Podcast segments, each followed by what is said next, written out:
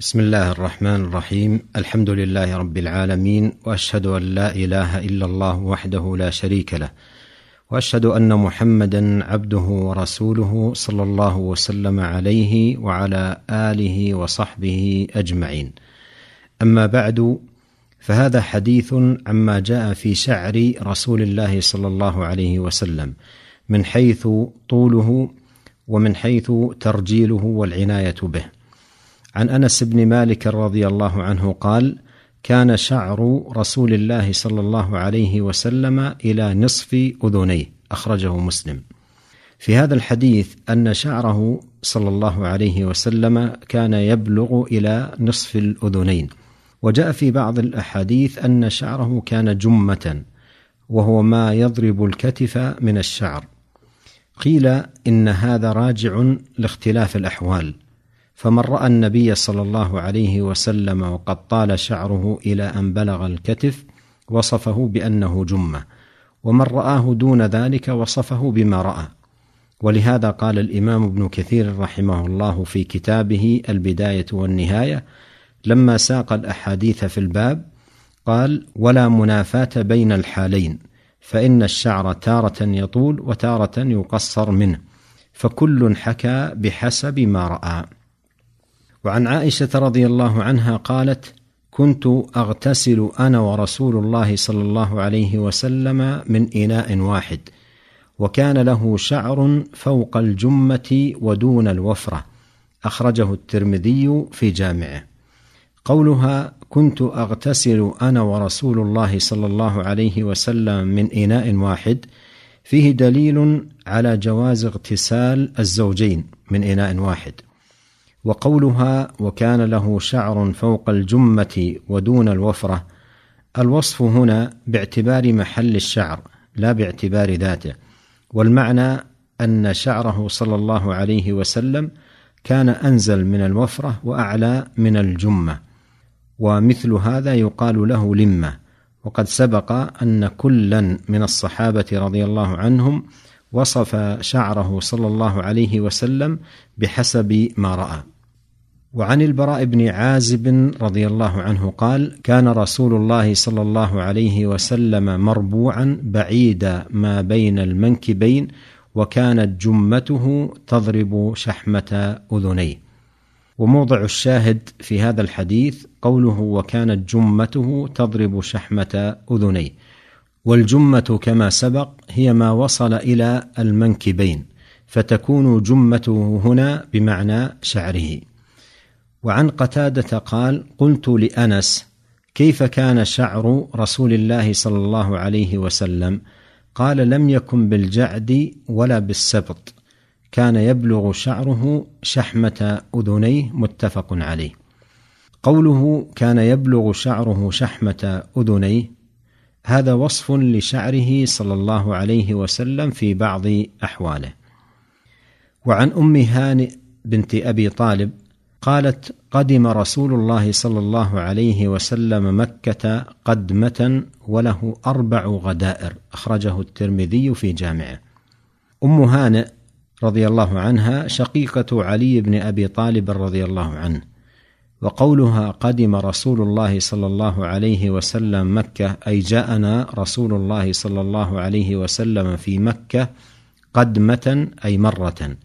وله أربع غدائر الغدائر هي ضفائر الشعر ويقال لها أيضا عقائص وعن أنس رضي الله عنه قال أن شعر رسول الله صلى الله عليه وسلم كان إلى أنصاف أذنيه تقدم حديث أنس رضي الله عنه من طريق أخرى في صدر الترجمة.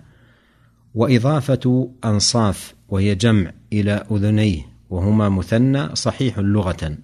كقول الله تعالى فقد صغت قلوبكما وقوله تعالى والسارق والسارقة فاقطعوا أيديهما وعن ابن عباس رضي الله عنهما قال أن رسول الله صلى الله عليه وسلم كان يسدل شعره وكان المشركون يفرقون رؤوسهم وكان أهل الكتاب يسدلون رؤوسهم وكان يحب موافقة أهل الكتاب فيما لم يؤمر فيه بشيء ثم فرق رسول الله صلى الله عليه وسلم رأسه متفق عليه.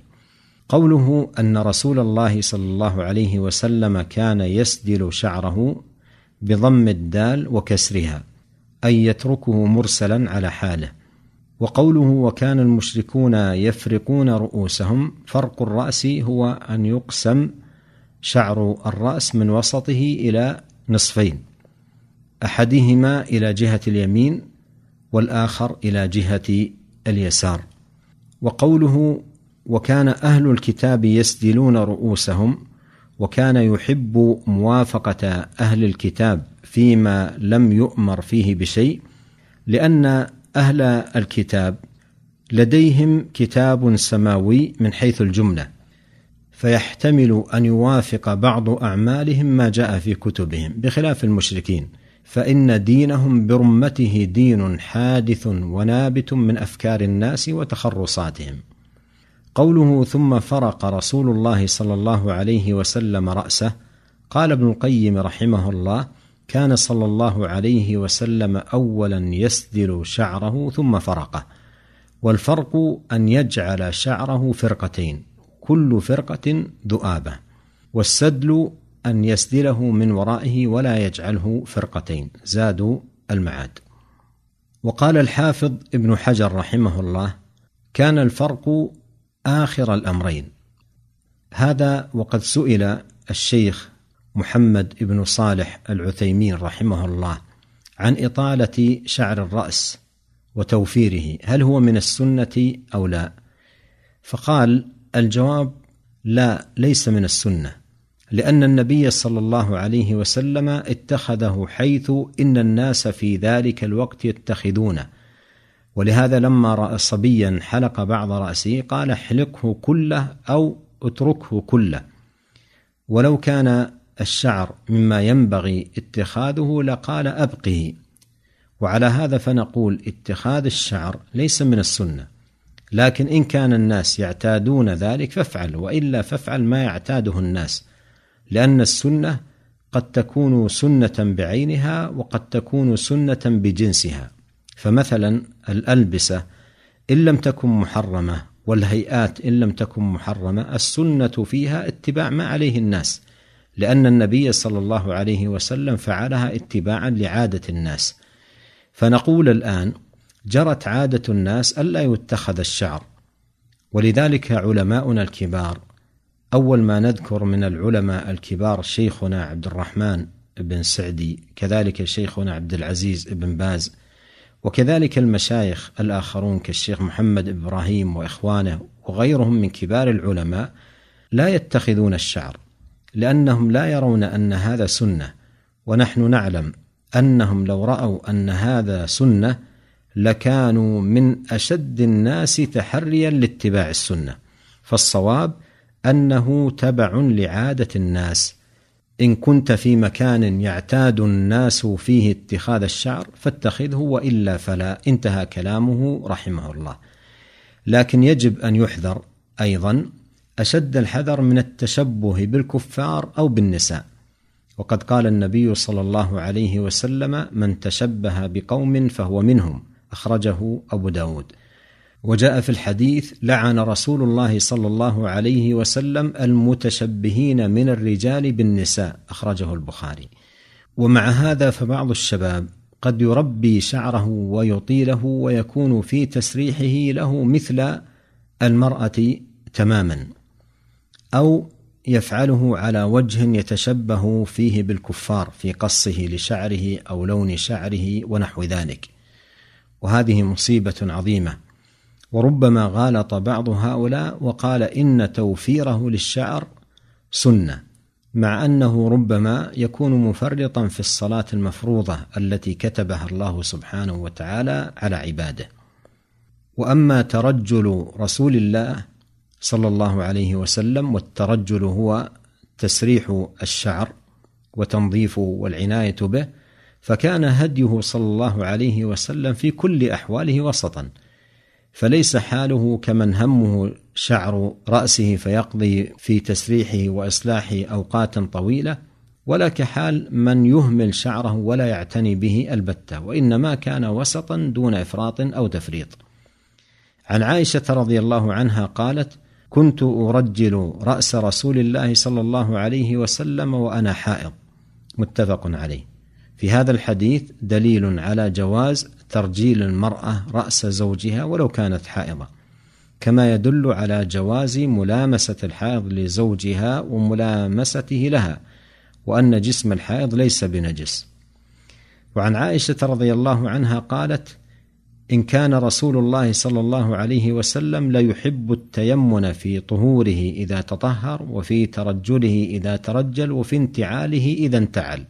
رواه البخاري. قولها إن كان رسول الله صلى الله عليه وسلم ليحب التيمن أي أن النبي صلى الله عليه وسلم كان يحب البدء باليمين. قولها في طهوره إذا تطهر أي إذا أراد أن يتوضأ يبدأ باليمين. فيغسل اليد اليمنى قبل اليسرى وكذلك يغسل الرجل اليمنى قبل اليسرى. قولها وفي ترجله إذا ترجل أي إذا رجل شعر رأسه بدأ بالشق الأيمن قبل الأيسر. وكذلك يبدأ بالشق الأيمن عندما يدهن الرأس. قولها وفي انتعاله إذا انتعل أي إذا أراد صلى الله عليه وسلم أن يلبس نعليه بدأ بالقدم اليمنى قبل اليسرى. وكذلك الشأن في كل ما كان من باب التكريم كدخول المسجد والأكل والشرب والمصافحة والأخذ والعطاء ولبس الثوب. وفي ضد ذلك يقدم اليسار كدخول الخلاء والخروج من المسجد وأشباه ذلك. وعن عبد الله بن مغفل رضي الله عنه قال نهى رسول الله صلى الله عليه وسلم عن الترجل إلا غبا أخرجه الترمذي. قوله نهى رسول الله صلى الله عليه وسلم عن الترجل إلا غبا أي إلا حينا من بعد حين. فلا يجوز للإنسان أن يجعل الترجل شغله الشاغل وإنما يكون وسطا فلا يهمله بالكلية ولا يجعله أيضا ديدنة. وعن حميد بن عبد الرحمن عن رجل من أصحاب النبي صلى الله عليه وسلم أن النبي صلى الله عليه وسلم كان يترجل غبا. قوله عن رجل من أصحاب النبي صلى الله عليه وسلم جهالة الصحابي لا تضر لأنهم كلهم رضي الله عنهم عدول. وقوله كان يترجل غبا أي كان النبي صلى الله عليه وسلم يترجل حينا ويترك حينا فلا يواظب عليه ولا يهمله. ونسأل الله أن يوفقنا أجمعين لكل خير وأن يصلح لنا شأننا كله إنه سميع قريب مجيب وصلى الله وسلم على عبده ورسوله نبينا محمد وآله وصحبه أجمعين. والسلام عليكم ورحمة الله وبركاته.